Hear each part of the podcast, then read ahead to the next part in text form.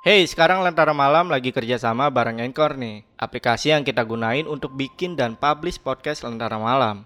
Di sini gue mau kasih tahu bikin podcast gampang banget dan 100% gratis. Semua yang kita butuhin buat bikin podcast tersedia lengkap di Anchor, termasuk distribusi ke Spotify dan platform podcast lainnya. Yuk, download aplikasi Anchor sekarang dan bikin podcast kalian segera. Halo semuanya, kembali lagi di Lentar Malam bareng gue Jamal. Dan hari ini kita masuk ke segmen cerita horor. Hari ini juga gue dapat cerita dari pasukan Lentar Malam nih Yang dikirim ke email kita kalau nggak salah ini. Dia sempat DM dulu dan ini produser kita si John itu langsung ngasih ke gue ini cerita dari pasukan Lentar Malam yang bernama Siti di mana ini uh, tadi gue dapat kisi-kisinya dari John ini ceritanya tentang jadi ada seorang wanita yang menjadi tumbal dari seorang pebisnis yang punya restoran di daerah Depok. Dan Siti ini juga kebetulan tinggal di daerah Depok ya. Ini gue baca di sini. Ya bener. Tinggal di daerah Depok Mbak Siti. Oke Mbak Siti, terima kasih ya. Semoga ceritanya ini menarik ya untuk uh, malam ini atau hari ini. Oke, sebelum gua mulai seperti biasa gua mau coba adain Q&A dulu nih ke teman-teman Lentar Malam. Jadi gue sama Adit itu punya rencana ya. Tapi kita mau tanya dulu nih ke teman-teman Lentar Malam nih. Kira-kira kalian tuh mau pada datang gak sih kalau kita ngadain live podcast di sebuah kafe atau di sebuah tempat gitu. Ya untuk tempat atau kafenya yang mau kita datengin itu nanti kita yang carilah. Tapi kira-kira ini teman-teman pada mau gak sih kalau kita ngadain live podcast gitu? Nah itu kalian nanti bisa jawab di kolom Q&A ya di Spotify. Karena gue penasaran dan sebenarnya sih pengen ketemu teman-teman lantar malam juga. Selain kita apa ya udah lama nggak pernah ketemu. Bahkan gue nggak pernah sih. Nggak pernah ketemu pasukan lantar malam yang kita kayak kumpul gitu nggak pernah sih. Tapi gue pengen banget sama Adit itu kita ya kapan-kapan ngadain acara seperti itulah. Dan ini gue sama Adit ini berpikiran gimana kalau kita bikin live podcast aja gitu. Nah kira-kira teman-teman tertarik gak sih dan bahkan kalau misalkan kita kasih ada price ya price atau harga untuk tiketnya itu kalian masih mau dateng gak sih? Gue penasaran sih. Tapi untuk harga tiket yang kita akan bikinin itu nggak cuma buat tiket masuk aja. Jadi kalian bisa menikmati makanan atau minuman yang ada di cafe tersebut. Jadi nggak cuman untuk tiket masuk aja gitu untuk tiket datang ke acara aja gitu. Uh, ah, gue sih nggak mau seperti itu ya. Karena bagaimanapun podcast itu paling enak tuh dinikmatinya sambil makan atau sambil minum. Makanya kita tuh kepikiran gimana kalau bikin live podcastnya tuh di cafe. Nah kira-kira teman-teman ini pada pengen datang nggak sih? Ya insya Allah gue nggak bikin mahal-mahal lah untuk tiket acaranya gua nggak bakal bikin mahal-mahal karena yang penting menurut gua kita kumpul-kumpulnya gitu. Dan gue pengen tahu nih teman-teman lentera malam itu yang suka dengerin kita itu banyak gak sih? First time nih first time ya. Jadi kalian langsung aja uh, jawab di kolom Q&A kita.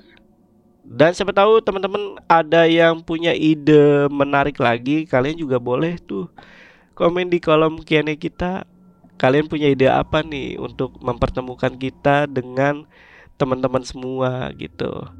Ya jadi itu aja yang mau gue sampaikan ya.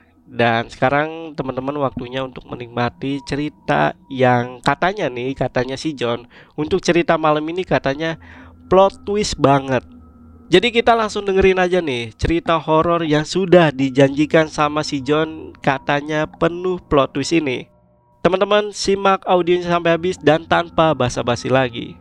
Cerita horor kita mulai.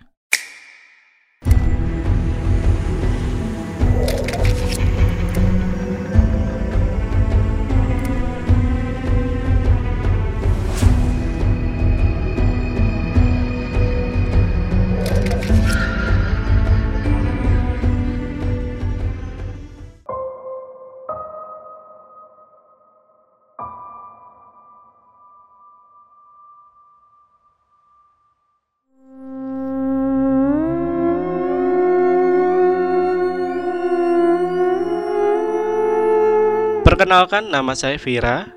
Saya anak pertama dari dua bersaudara. Saya mempunyai adik perempuan yang bernama Siti. Usia saya 25 tahun. Usia saya beda 6 tahun dengan adik saya. Saya belum menikah dan saya bekerja sebagai pegawai swasta. Ibu saya hanya seorang ibu rumah tangga, sedangkan ayah saya hanya bekerja serabutan. Jadi bisa dibilang saya yang menjadi tulang punggung untuk menghidupi keluarga saya dan biaya kuliah adik saya.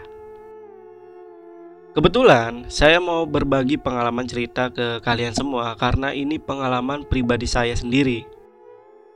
Jadi awal ceritanya dulu sekitar tahun 2018 di pertengahan bulan saya menjadi korban tumbal sahabat saya sendiri yang kita sebut aja namanya Dini.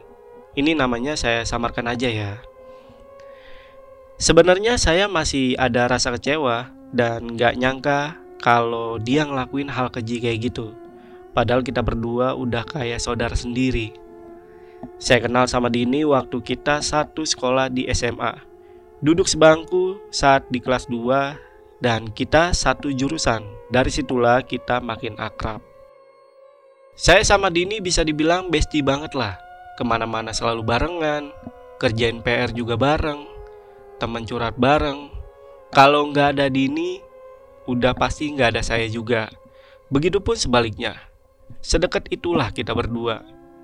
Dan kebetulan juga, rumah kita juga deketan di sekitaran daerah Depok.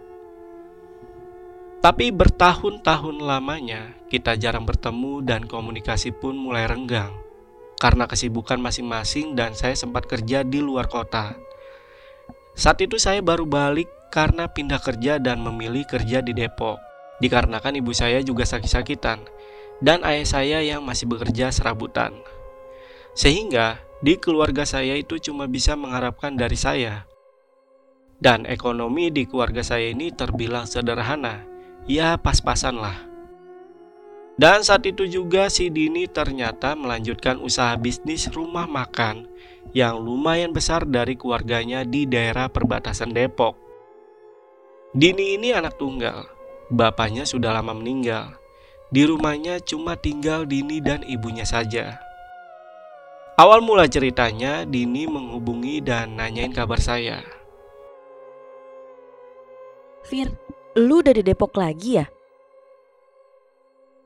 Iya nih Din, Alhamdulillah gue udah di Depok lagi Nanti kita ketemu yuk Boleh banget Din Waktu itu saya seneng banget akhirnya kita bisa komunikasi seperti dulu lagi Dini makin intens komunikasi sama saya dan singkat cerita Dini ngajak saya berkunjung ke rumah neneknya di wilayah Depok juga. Awalnya saya nggak mikir apa-apa sama Dini. Ya selayaknya cucu mau berkunjung ke rumah neneknya aja. Jadi saya dicat lagi tuh sama si Dini. Isi chatnya kurang lebih seperti ini. Dini, Fir, malam ini lu ke mana?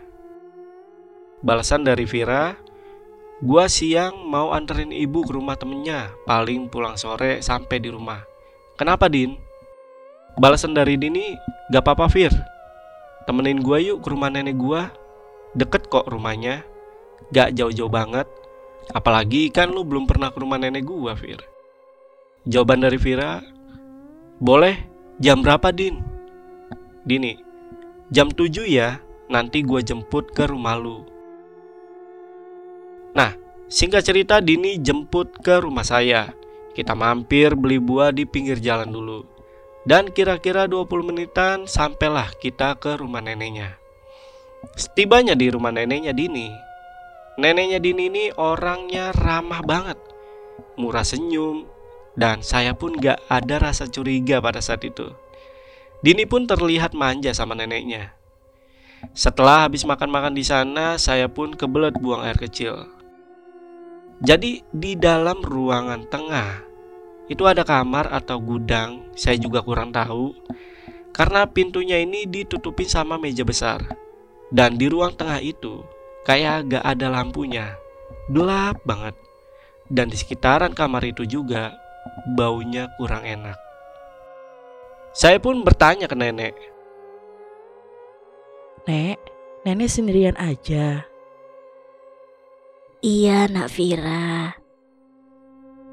Kenapa nenek nggak tinggal bareng aja sama Dini? Gue udah sering ajak Fir, tapi nenek maunya tinggal sendirian. Jadi gue gak bisa maksa lah. Iya, Nak Vira. Nenek lebih nyaman tinggal sendirian. Kalau udah tua begini, gak mau ngerepotin orang. Ya udah nek, gak apa-apa. Nenek juga diri baik-baik ya di sini. Soalnya nenek sendirian. Iya, Nak Vira. Nenek tiba-tiba beranjak dari kursi dan langsung masuk ke dalam. Tiba-tiba bunyilah suara meja yang saya lihat tadi, dan saya langsung berpikir, Berarti nenek masuk ke salah satu ruangan yang ditutup meja besar tadi dong. Sekitar 10 menit kemudian si nenek memanggil Dini. Lalu Dini pun beranjak dan masuk ke dalam ruangan yang saya lihat tadi. Saya pun berpikir lagi, Itu kira-kira ruangan apa ya? Padahal ruangannya bau banget. Kok mereka betah ya di sana? Selang beberapa lama mereka keluar dari ruang tengah itu. Dini langsung mengajak saya untuk pulang. Kami pun pamit ke neneknya Dini. Tapi lagi-lagi ada sesuatu hal yang mengganjal di hati saya. Ketika saya izin pulang dan nenek berkata, Nek, aku pamit pulang dulu ya. Hati-hati ya kamu, Nak Vira. Entah kenapa perkataan tersebut malah membuat hati saya menjadi tidak tenang.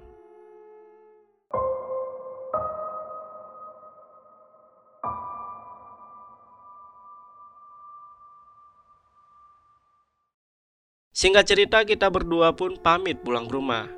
Habis dari rumah neneknya Dini, Dini langsung antar ke rumah saya. Dan gak lupa si Dini ini ngomong, Makasih ya Fir udah nemenin gue ke tempat nenek. Sama-sama, Din. Hari berganti hari, tiba-tiba Dini mainlah ke rumah saya. Dan dia membawakan bakso kesukaan saya. Seperti biasa, saya sama sekali tidak ada curiga dengan Dini.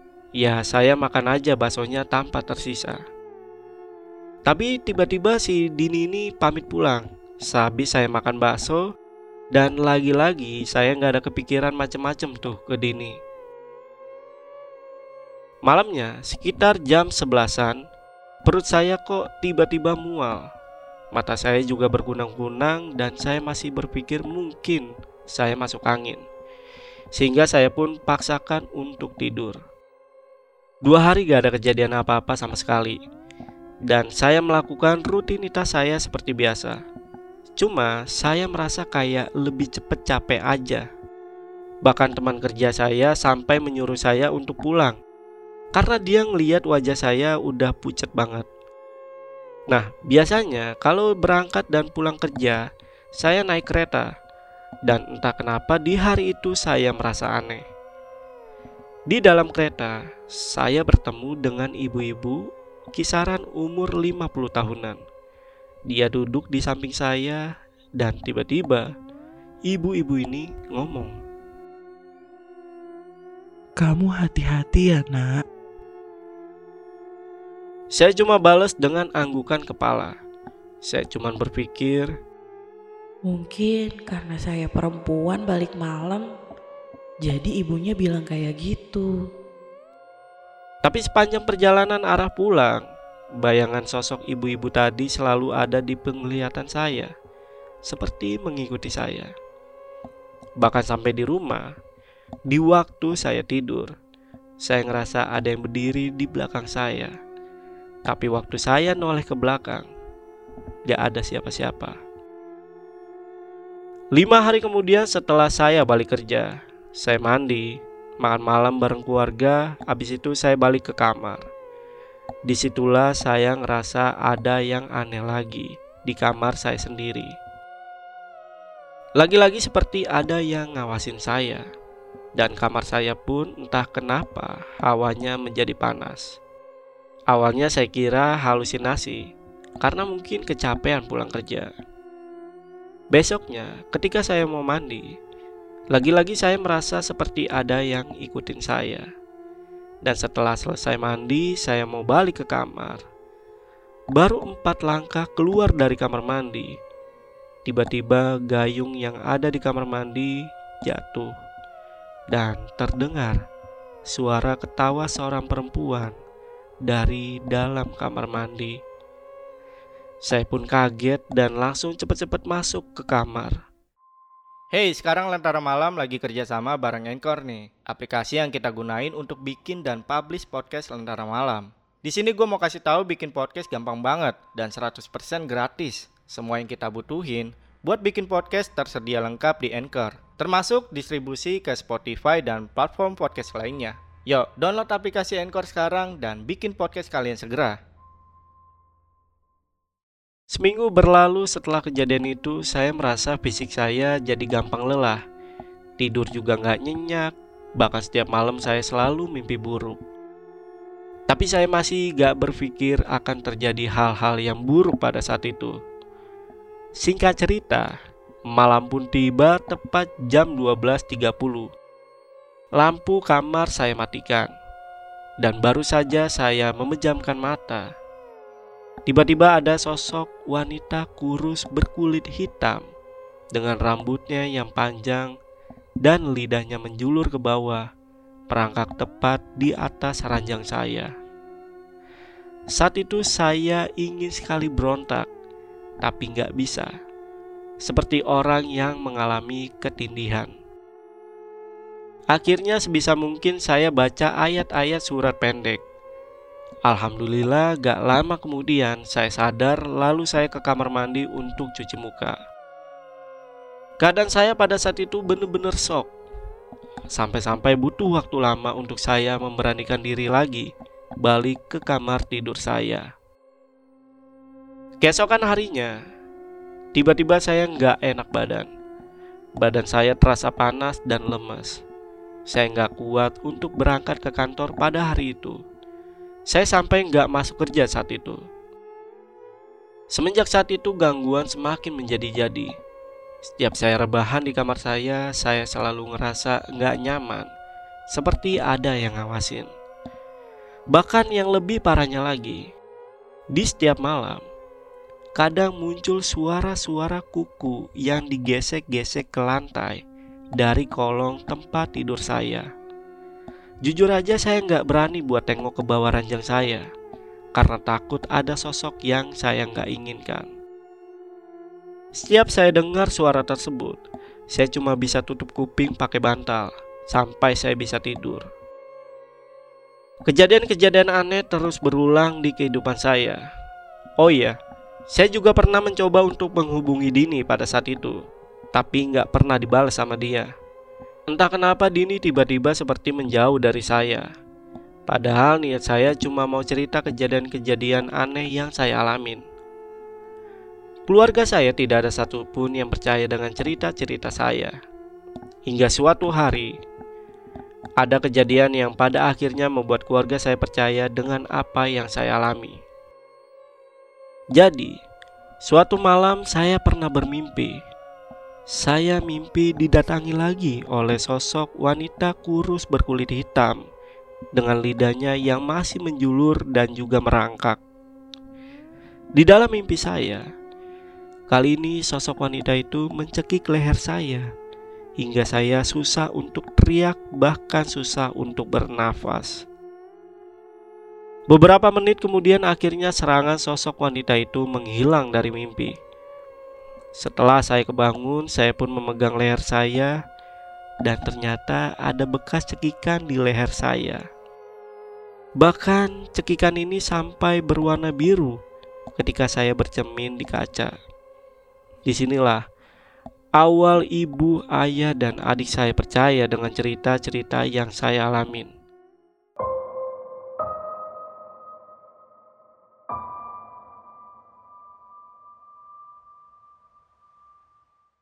Enam bulan kemudian, kondisi kesehatan saya makin memburuk. Saya berbaring di tempat tidur karena badan saya yang udah susah untuk bangun. Entah apa yang terjadi di dalam diri saya. Jujur aja, sudah enam kali saya diperiksa ke rumah sakit tapi nggak sesuai harapan. Dan entah kenapa dari sekian banyak teman-teman yang hadir untuk menjenguk saya, cuma Dini aja yang nggak datang. Ah, sudahlah pikir saya waktu itu mungkin dia sibuk bantu usaha bisnis rumah makan keluarganya. Dengan kondisi yang semakin memburuk, akhirnya keluarga saya mencoba untuk memanggil semacam orang pintar di daerah perkampungan. Beliau sudah dikenal bisa sembuhin penyakit yang gak kasat mata. Singkat cerita, setibanya beliau di rumah, beliau izin untuk masuk ke kamar saya. Saya dipindahin ke kamar adik saya karena kamar yang biasa saya pakai untuk istirahat sedang dibersihkan dari gangguan makhluk gaib. Setelah dibersihkan, beliau pun keluar dari kamar. Terlihat mukanya yang sangat lelah dan berkucuran keringat. Beliau pun cuma bahas seperlunya ke orang tua saya. Dan entah kenapa, beliau malah pengen cepet-cepet pulang. Hingga keesokan harinya beliau malah hilang komunikasinya. Hari berganti hari hingga suatu hari tiba-tiba teman dekat saya, Dini, datang ke rumah saya. Tapi saat itu tingkah Dini sangat aneh sekali. Dia datang melihat kondisi saya lalu pulang tanpa pamit ke ibu saya. Di saat ibu saya sedang membuatkan minuman untuknya. Lalu malamnya setelah itu, saya mencium aroma busuk di kamar saya yang sebelumnya mungkin belum tercium aroma busuknya. Pikiran saya udah kecampur aduk saat itu. Gak mungkin ada bangkai di tikus, karena hampir setiap hari ibu saya selalu bersihkan kamar saya. Lalu di malam yang sama, ayah saya tiba-tiba kabarin ke ibu saya kalau ibu saya dapat kenalan orang pintar dari temennya. Tiga hari kemudian orang tersebut datang ke rumah saya. Saya nggak mau berharap banyak karena kondisi saya makin mengkhawatirkan. Setelah orang itu melihat-lihat kondisi di rumah saya, orang itu ngomong ke orang tua saya kalau kondisi badan saya ini disebabkan oleh sahabat saya sendiri yang menjadikan tumbal untuk usaha bisnisnya supaya berkembang. Dan orang pintar itu pun sebisa mungkin berusaha agar saya lepas dari jeratan tumbal tersebut. Saya yang mendengar omongan itu pun kaget dan saya menangis. Kenapa tega melakukan perbuatan sekeji itu? Tapi saya masih bertanya-tanya, siapa yang melakukan hal itu? Apa mungkin Dini? Tapi kenapa dia tega melakukan hal ini? Saya pun tertidur lelap Keesokan harinya, pergelangan kaki saya makin membiru, bahkan merembet sampai ke atas betis kaki, dan kulit di tubuh saya menjadi bersisik. Saya udah gak kuat saat itu, bener-bener gak kuat. Tiap malam badan kedinginan menggigil, saya pun gak tegang lihat ibu berdoa nangis-nangis di sujud sholatnya. Ayah dan adik saya pun senantiasa merawat saya yang sudah terbaring lemas seperti mayat hidup. Saya hanya bisa menatap ke langit-langit atap kamar saya. Dan telinga saya selalu mendengar geraman dari telinga kiri saya. Saat itu saya hanya bisa menyimpan rasa ketakutan itu. Saya nggak mau orang tua dan adik saya tahu. Saya nggak mau membuat mereka sedih karena saya. Saya cuma bisa memegang erat tangan adik saya. Yang saya butuhkan pada saat itu hanya dukungan dan doa dari keluarga saya. Tapi napas saya mulai sesak. Badan saya menggigil. Percaya atau tidak, tapi itu semua yang saya alamin. Saya selalu melihat dan mendengar makhluk-makhluk itu yang membuat badan saya semakin drop. Hingga akhirnya saya ingat kejadian di rumah neneknya Dini. Sewaktu saya mau pulang dari rumah Dini, neneknya berpesan, Hati-hati ya kamu, Nak Fira. Saya berdoa dalam hati, ampuni orang-orang yang menyakitiku. Dan malam itu, saya sudah tidak tertolong lagi. Itulah cerita pengalaman kakak kandung saya. Jadi saya bawain cerita almarhum kakak saya yang selalu cerita kepada saya. Kakak saya tutup usia di tahun 2019. Kita semua sekeluarga terpukul ditinggalnya tanpa penyakit yang jelas. Oke, berarti ini memang cerita dari kakaknya yang pada saat sakit mungkin ya. Dia cerita ke adiknya dan adiknya nih yang bawain si Mbak Siti ya. Oke oke, kita lanjut lagi nih karena ini masih banyak ternyata ya. Jadi setelah kejadian ini, ternyata semuanya kebongkar. Dini datang ke rumah saya setelah tujuh bulan almarhum kakak saya pergi. Neneknya yang bersekutu dengan iblis untuk mencari tumbal untuk usaha tempat makanan keluarganya berkembang turun-temurun, tapi selalu ngambil nyawa orang lain. Oke, tapi tumbal akhirnya kena ke keluarganya sendiri. Kita sekeluarga kaget dan tidak bisa berbuat apa-apa. Sekeluarga pun sudah mengikhlaskan kepergian Vira. Dini menyesal dengan semua yang terjadi karena tidak lama dari kejadian, neneknya meninggal karena jatuh dari kamar mandi, kepalanya terbentur ke lantai. Oke, begitu pula dengan ibunya Dini yang kecelakaan motor yang membuat nyawanya tidak terselamatkan. Sejak saat itu juga rumah makan yang sudah bertahun-tahun lamanya berjaya, akhirnya gulung tikar karena persaingan bisnis. Info yang saya dapat, Kondisi kesehatan Dini juga menurun dan belum lama ini saya jenguk rumah Dini. Muka Dini yang pucat dan penuh luka-luka koreng di tubuh dan wajahnya. Saya bilang ke Dini, Din, jangan digaruk lukanya. Kasihan badan lu udah darah-darah. Dini pun cuma melihat ke arah saya dengan tatapan kosong. Melihat kondisi Dini dan rumah yang ditempatin Dini, saya agak sedikit prihatin. Karena Dini juga nggak ada yang ngurusin. Akhirnya saya berpamitan pulang. Dari sini saya banyak belajar juga. Kalau mau sukses itu dengan cara yang sehat, tanpa harus merugikan orang lain. Tidak perlu dengan cara tumbal, kaya sesaat, dengan menjual nyawa kepada setan. Sekian cerita dari saya, semoga ada hikmah yang bisa kita ambil. Oke, terima kasih nih untuk Mbak Siti ya. Ini ceritanya ternyata plot twist ya. Gokil sih. Ya, ini sebenarnya sih gua udah dikasih kisi-kisi sama si Jone ya, seperti yang tadi di awal gue bilang. Kalau ini ceritanya tuh bakal plot twist. Nah, ternyata plot twistnya ini ya. Ternyata ini adalah cerita dari kakaknya Mbak Siti. Dan ini seperti kita tuh masuk ke dalam kesehariannya si Mbak Vira ini pada saat sakit atau dari mulai awal gitu. Karena gue juga sempat bingung tuh pas di awal-awal kok Vira ini sebenarnya. Kok ini Vira sih ceritanya. Padahal yang ngirim tadi Mbak Siti. Ternyata ini memang cerita dari Mbak Siti yang dia dapatkan dari Mbak Vira selama dia menjalani hidupnya atau pada saat dia sakit. Tapi benar-benar bagus sih juga sih penulisannya dari Mbak Siti ini. Thank you untuk Mbak Siti ya.